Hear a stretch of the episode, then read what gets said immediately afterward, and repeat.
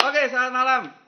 Ketemu lagi bareng aku Dodi Sofiadi, Marketing Director Swasti Fund dan Om Diki. Ya. Ya, uh, Research and Development Director dari Swasti Farm di belajar jadi swasti. Tentunya bareng Om Diki, nggak bareng yang lain kali ini. Uh, di episode ke-10. Sebelum masuk ke episode uh, masuk ke pertanyaan, kita bumper dulu. Bumper.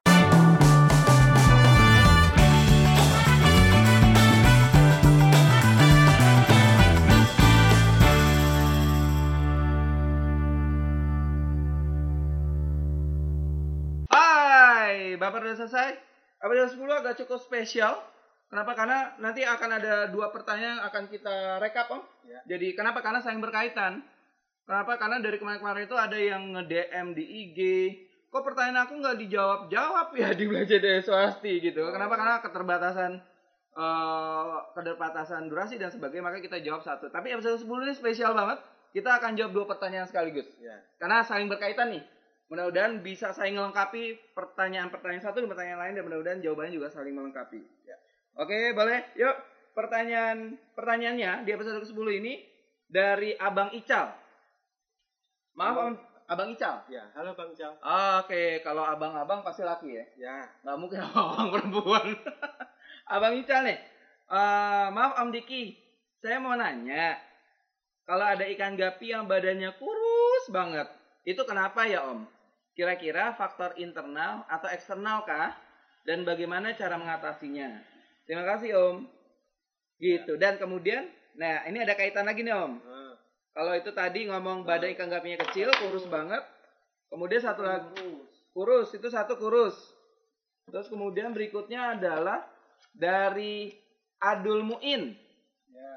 dia tanya itu bagaimana cara merawat buraya gimana sih om Ban- banyak buraya saya mati satu persatu. Jadi pertama adalah kenapa sih ikan gapi kurus? Kemudian kedua adalah burayaknya dia tuh banyak yang mati tuh om. Kenapa ya om? Ada kaitan pak? Mungkin ada kaitan ya kalau kurus pasti kan nggak kurus. Terus lama-lama mati dia tuh gitu. Ya. Ah, enggak, ya. ada ada kemungkinan juga penyakit juga. oh ada. Kalau kurus itu ada penyakit? Ada. Oke penyakitnya kira-kira ah, kemarin kita bahas tuh ada eksternal ada internal tuh Ya. Ah, ada ekosistem dan sebagainya Kalau ini sih dari ikannya, oh ikannya oh, penyakit ada di dalam ikan. oh Ini ik- ikan kurus ya itu kalau orang di Gapi itu sering nyeb, nyeb oh, nyebutnya itu kena TBC. TBC Iya. apa itu TBC Ah, saya, saya cuma cuma cuma tahu istilah itu aja. istilah TBC kalau di Ah. ikan gapi sebutnya di Hmm. TBC gitu di penghobi gitu ya terus Eh, ikannya itu kurus, ah ah. udah nggak bisa gemuk lagi, jadi benar-benar kempes. Itu sering sering terjadi di betina, apalagi setelah dia melahirkan. oh badannya habis gitu ya Ah, terus habis ya udah kalau itu kalau kalau menurut saya udah buang, oh buang udah eh, eh, udah nggak bisa di apa-apain lagi dah. Kalau pengalaman saya loh ya, oh oh oh kalau pengalaman saya sih saya buang.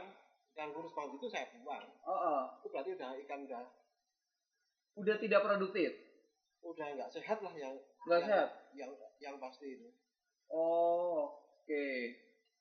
Jadi kira-kira penyebabnya apa, Tom? Penyakitnya apa ya gitu kira-kira? Nah, kalau saya itu saya tidak itu mempelajari mendalam Oh. mengenai itu sih Ah, ah.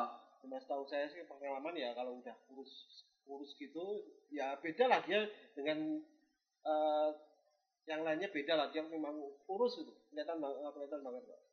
Oh, itu oke. kalau orang bilang kena TBC Oh, kata orang sih oh, oke. ya Jadi kayak kayak istilah di manusia TBC gitu ya, karena Ya. orang kayak kayak orang flek manusia kan dia kurus juga tuh. ya Jadi istilah itu digunakan juga oleh penghobi gapi untuk ya untuk eh, menginformasikan kalau ikan gapinya kurus itu kena TBC itu kira-kira gitu ya. ya Oh, oke. kalau itu saya udah saya buang juga ya. udah saya saya buang dah. Nggak ada obatnya itu.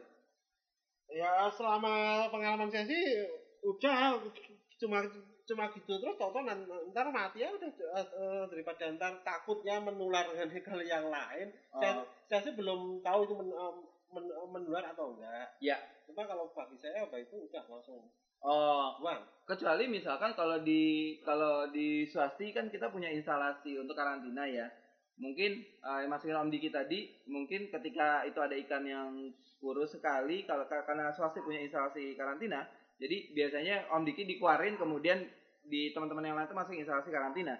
Untuk di apakah itu kemudian bisa sembuhkan atau tidak itu ada di instalasi karantina. Tapi kalau misalnya happy people ada di rumah yang kemudian ada ikan seperti itu gitu ya terus kemudian nggak punya instalasi karantina ya sebaiknya memang difungsikan tempat yang lain gitu khawatirnya ada yang menular dengan yeah. ikan gapi yang lain kan gitu ya? Yeah. Oh, oke. Okay. Jadi memang kalau happy people di rumah kemudian ketemu ketemu dengan kondisi ikan yang kurus banget gitu kan. Sepertinya memang sulit untuk tertolong gitu ya. Yeah. Oh, oke. Okay. Kalau punya instalasi karantina masukin aja ke instalasi karantina tapi, tapi biasanya enggak lah biasa, biasa oh. yang punya karantina juga jarang sih. Oh, gitu. Lah lang langsung musnahkan aja. Oh, langsung musnahkan, musnahkan saja. Karena buang waktu juga ya kira-kira ya. gitu ya. Oh, oke. Okay. Nah, itu dia tuh. Mudah-mudahan Abang Ical ya. uh, punya stok ikan gapi yang lain gitu Abang ya. Ical. Uh, karena uh, agak sulit untuk kita untuk dicari solusinya kalau kondisi seperti itu gitu ya. Hmm. Oh, oke. Okay. Nah, mudah-mudahan uh, Bang Ical bersabar gitu ya dan bisa menemukan ikan gapi yang lain yang bisa Bang Ical untuk uh, breeding lagi gitu ya. Nah, pertanyaan kedua Om nih. Nah, kaitannya ada kaitan nggak sih merawat burayak itu spesial atau enggak? Kenapa? Karena aku pernah dengar Om Diki bahwa ada golden moment, ada yeah. golden age gitu. Yeah. Oke, okay. itu kumaha kumaha. Jadi yeah. perawatan buraya, ya, yeah. kalau nggak salah saya pernah pernah sedikit cerita juga di episode berapa gitu. Uh, uh, uh. Jadi ya seperti kita merawat bayi lah. Ah, uh, uh, uh. Ya kan? Iya yeah, iya. Yeah. Jadi uh, ikan gapi itu dia punya golden moment. Maksudnya itu dia jadi benar-benar di masa-masa itu dia akan benar-benar tumbuh dengan pesat dan untuk menentukan untuk nanti ke depannya dia akan menjadi bagus atau atau tidak. Oh, Oke. Okay. Jadi kira-kira ya. golden momennya gapi itu ya. ini cuma kira-kira aja ya. Iya iya iya. Golden X ya. Uh -uh. Golden Age-nya itu kira-kira tuh ya kurang lebih satu bulan. Oh satu bulan sampai dengan satu bulan. Uh, uh, dari anu ya dari dari dia keluar dari uh, dari uh, dari dia lahir dari lahir itu benar-benar harus perawatan yang bagus. Ah, Oke. Okay. Jadi ya. di dalam satu bulan itu dia akan kelihatan ikan bisa besar apa enggak. Oh, oke. Okay. Itu nanti di dalam tiga minggu pun udah kelihatan jantan betina. Itu harus dipisah. Oh, oke. Okay. Karena uh, kalau nggak dipisah, pasti nanti dia akan kawin muda. Hmm. Nah, terus kenapa ya. sering sering mati ya itu banyak faktornya ya karena ah. mungkin uh, kondisi airnya terutama air ya kalau kemungkinan karena banyak pakan sisa ya. Oke. Okay. Jadi burayak itu itu untuk pertumbuhan yang bagus itu ada uh, satu dari pakan. Oh, oh. Dua dari lingkungan kan. Oh, ekosistemnya dia tuh lingkungan. lingkungan. Oh. Oke. Okay. Jadi seperti kita kalau merawat bayi. Bayi setiap berapa jam harus dikasih susu. Harus dinenenin. Ya. Oh, gitu. Sama. Oh ikan tuh juga sama kalau mau cepat dia cepat besar kan kalau bayi sering sering yang bayi yang sering dikasih susu dan yang tidak kan pasti beda kan gemuk dan kurus hmm. itu sama sama ikan sama jadi perhatiannya itu mesti serius gitu ya ya oh oke okay. jadi ada beberapa ada ada ada beberapa beberapa cara ya dalam satu bulan tuh ikan tuh bisa besar apa enggak? Itu yang ini intinya di di di situ. Iya. Kalau udah dia sampai saat satu bulan dia masih belum bisa besar uh. ya na nanti ke depannya bisa besar tapi ya kurang maksimal. Oh. Tapi yang kalau nggak dijaga di satu bulan awalnya dia itu ya, ya. oh oke. Okay. jadi dalam satu bulan awal itu ikan tuh harus makan terus. Nah, cuma yang yang jadi masalah mm -hmm. kalau kita ngasih makannya pakai pelet ya. atau yang buatan gitu mm -hmm kita kebanyakan air rusak air rusak ikan sering uh, sering oh karena air uh, karena banyak disapakan oh. otomatis jamur akan Karena ada sisa pakannya tuh. Iya, akan cepat ber- eh, berkembang. Oh, jadi memang makanan terbaik di saat dia tuh di sampai satu bulan itu apa? Pakan terbaiknya, Om? Kalau yang itu se- se- sebenarnya bisa pakai artemia, Oh, oh. diseling dengan pelet juga. oh. Jadi mu- ke- kemungkinan bisa sehari mungkin kasih makan tiga kali ya, pagi, siang, sore. Ya kasihin pelet pagi, siang pelet, tapi ngasihnya kira-kira aja. Jadi kira-kira pelet yang dia bisa langsung makan, jangan Langsung habis gitu ya? jangan pelet yang terlalu besar agak sesuai dengan mulutnya, ntar malah malah jadi sisa kan. Itu banyak tuh ada berapa mikron segala macam Iya, gitu ya? itu. Oh, Eh, itu pengaruh ya kalau mau gampang ya di di dialusin aja. Oh, oke. Dikit-dikit aja. Ah, ah. Kalau yang lebih baik sih memang bukan cuma sehari tiga kali berulang-ulang tapi kasih dikit habis dikit habis dikit habis. Oh, oke. Nah nanti di dia di yang terakhir kira-kira sore atau malam itu Ya. baru kita kasih artemia. Oh, jadi men- jadi makas ma kalau pakannya gitu ya untuk bagian kemudian buraya itu kasih pakan itu mesti dikit-dikit. Kenapa? Ya. Karena untuk menghindari kerusakan ekosistemnya. Ya betul. Ekosistem dia. Karena Ya. kalau ekosistem rusak, kemudian ada jamur, kemudian kemungkinan si burayanya mati juga semakin tinggi kan Ya. gitu ya. Jadi Oke. eh, itu dari pakan, ah. dari lingkungan tadi kan air. Iya betul. Semakin sering ganti air ikan ot- otomatis cepat besar. Oh. Otomatis itu. Karena kan Kenapa tuh? Om? segar Oh dia seger. airnya. Jadi kalau Oh. kalau kalau enggak kan dia di situ kan air selalu banyak sisa-sisa dia BO lah apalah kan Ah. jadi ada amoniak bisa tinggi Ya. juga bisa menyebabkan Oh. kematian juga Oke. dan, la- dan lagi memang untuk pertumbuhan kurang kurang bagus jadi kalau Ah. sering ganti air juga Ya. akan mempengaruhi juga kapasitas tempat jadi misal kita punya anakan 50 ditempatin tempatnya cuma kecil cuma segini ya enggak ya susah lama besarnya Oh jadi gitu. ya memang kapasitas tempat itu harus disesuaikan Oh, oke. Agar eh, ka- kalau kalau ekosistemnya sehat, ekosistemnya enak untuk untuk burayak, untuk Ya. untuk si burayak, harapannya adalah pertumbuhan itu semakin baik kan gitu Ya. ya. Oh, oke. Ya, kalau bisa dikasih artemia sehari mi- mi- mi- minimal dua kali lebih bagus sih Oh, oke. Karena kalau Artemia kan dia harus gerak terus ya dan lagi kan Oh, apa eh, Ya. namanya, ikan paling suka itu jadi oh. seringnya selalu habis sih itu kalau yang pakai pakan pelet segala macam memang agak susah oh. itu sebenarnya ada cara yang paling gampang Apa tuh? jadi misal kita punya bak lah apa jadi ember atau apalah yang agak besar dikit ya Ya. kita tutup dulu dapnya makna Oh.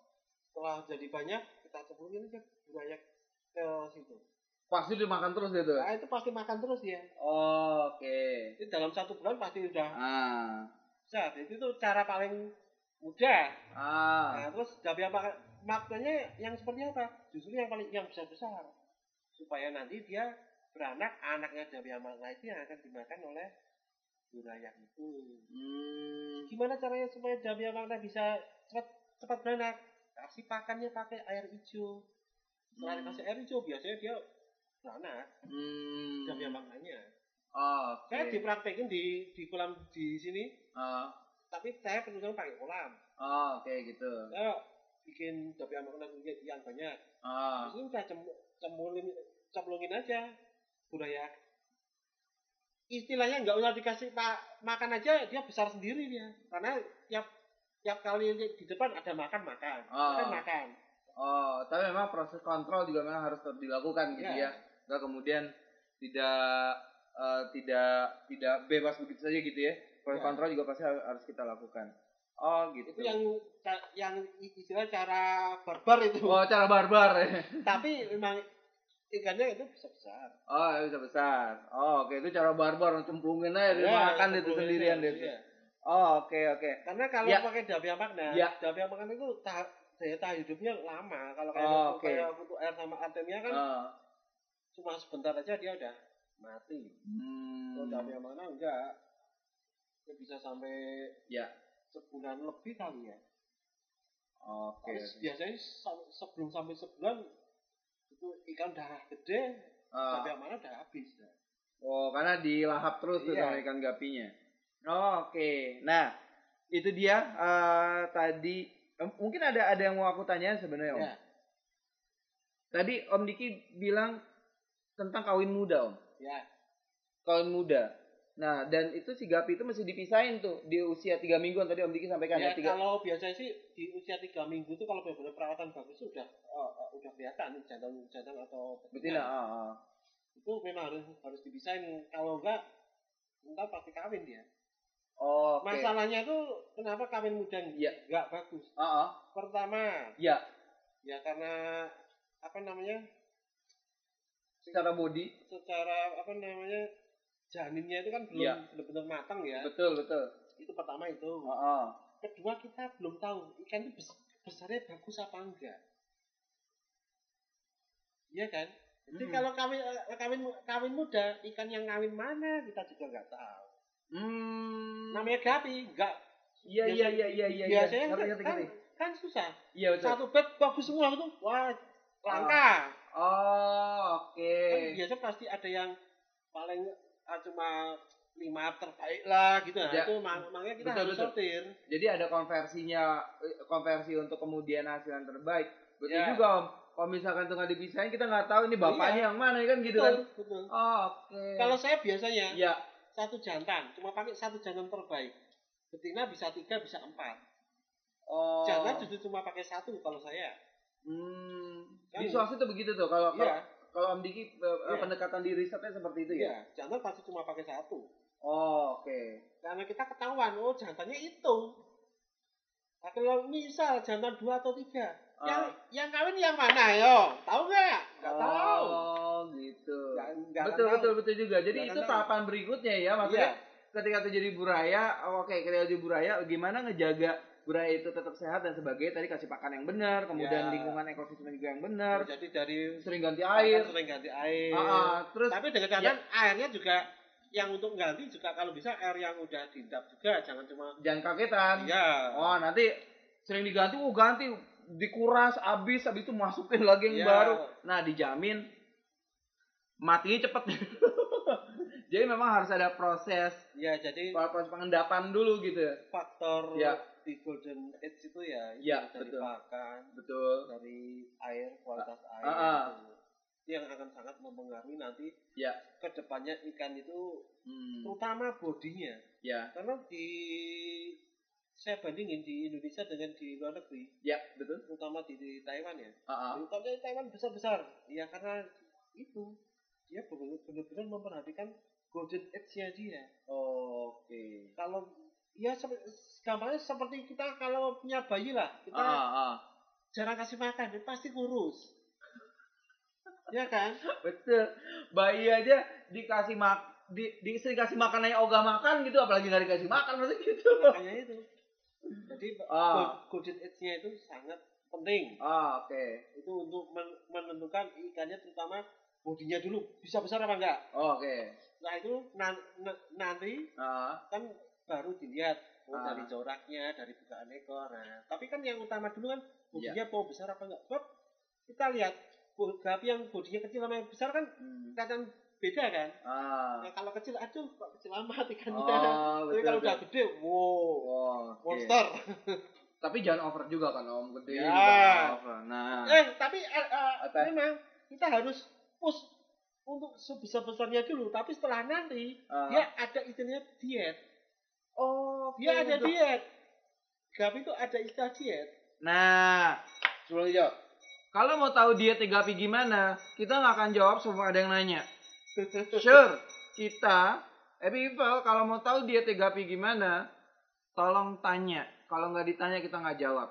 Gitu om ya? Ya. Oke, stop dulu dietnya, biar Oh. tunggu ditanya dulu. Ya. Terus kemudian, jadi diet tuh. Jadi Ya. gedein, terus kemudian nanti bisa didietin lah tuh. Nah Ya. dietnya gimana itu nggak usah dijawab. Ya. Ah, oke. Jadi Ah. tadi yang ini udah i- ikanku tadi udah udah ya Ya betul. Belum Ya. udah itu kalau sering mati ya itu kalau saya perlu kalau analisa saya sih dari kondisi air itu Oh, Oke. atau bisa juga kelembapan udara Nah itu dia yang kemarin kita sempat bahas itu tuh. itu faktor yang benar-benar pengaruh sekali Hmm. Orang bilang wah suhunya ini pengaruh gini-gini Ah. tapi toleransi di suhu itu sangat baik di mana yang ada yang daerah yang suhu, suhu suhunya bisa 20 derajat Oke. ada di daerah lain yang suhu, suhunya mungkin sampai 30 derajat 30 derajat mereka bisa hidup Ah, oke. tapi kalau Ah. kelembapannya sudah di ambang yang tinggi Ah. ya pasti masalah banyak Oh. Jadi yang ini banyak banget itu a- kalau analisa Ah. saya dari air Ya. kalau enggak ya masalah kelembapan di ruangannya itu Oke. Jadi jadi ka- kalau kemarin kita sempat bahas juga people ya tentang bagi ekosistem. Jadi ekosistem itu nggak cuma air sebenarnya. Iya. Ketika kita bicara ikan gapi, ekosistem nggak cuma air, tapi tapi di sekeliling di sekeliling dari misalkan kalau people naruh di kolam ataupun naruh di akuarium, ya sekelilingnya ada ekosistem. Kan gitu ya. ya Kelembapan kelembapan udaranya juga harus dikontrol. Kemudian eh, tadi Om Diki sampaikan kalau untuk kalau untuk suhu eh, toleransi ikan gapi cukup besar cukup gitu ya baik cukup cukup baik gitu ya. Tapi kelembapannya juga uh, people di rumah harus harus perhatikan juga. Jadi memang kita harus bicara ekosistemnya. Kalau kenapa sih buraya itu mati? Mungkin ekosistemnya nggak benar. ya Terus kemudian dan lagi kan negara kita kan negara tropis kan ya, wah kelembapannya kan tinggi sekali oh, oke. dibandingkan dengan negara- negara-negara yang subtropis Oh, oke. Ya mungkin itu bisa bisa jadi catatan. Kemudian tadi Om Diki bilang tentang pakan tolong dijaga people. Eh, Ya. Adul Muin, Mas Adul Muin tolong dijaga untuk apa pakannya tolong dijaga dan kemudian yang menarik ada ketika people sudah berhasil untuk menjaga buraya dengan baik, berikutnya adalah level berikutnya adalah bicara tentang eh, menjaga agar kemudian burayanya tidak kawin muda. Gitu ya. ya Jadi tiga minggu itu mesti dipisah agar yang kemudian paling telat satu bulan lah. Tapi kalau Iya. kalau bisa sih udah kelihatan jantan betina itu harus dipisah. harus dipisah. pertama juga kalau jantan muda Ya. kalau kebanyakan ngejar-ngejar eh, betina untuk kawin dia biasanya ja- untuk besarnya juga nggak bisa nggak akan bisa maksimal Hmm. Oke. Siap. Ada lagi Om Diki mau disampaikan Ya. di dua pertanyaan ini dari Mas Abang Ical terkait dengan kurus, kemudian Udah. berikutnya udah terjawab semua ya sudah jawab semua. Insya Allah mudah-mudahan eh, Abang Ical puas Ya. dengan jawabannya. Terus kemudian dari eh, Adul Muin, Mas Adul Muin juga tentang bagaimana kemudian perawatan untuk Bu Raya. Oke, baik, happy people ada di rumah. Eh, episode 10 eh, kita menjawab dua pertanyaan malam ini dan kemudian aku mau bikin eh, aku mau tanya, sekarang gantian aku nanya nih, gantian nanya. Happy people tuh di rumah itu biasanya kalau ngebreed itu kasih lebih baik kasih lebih banyak kasih makan apa sih? Eh, pelet kah, atemia kah atau yang lainnya?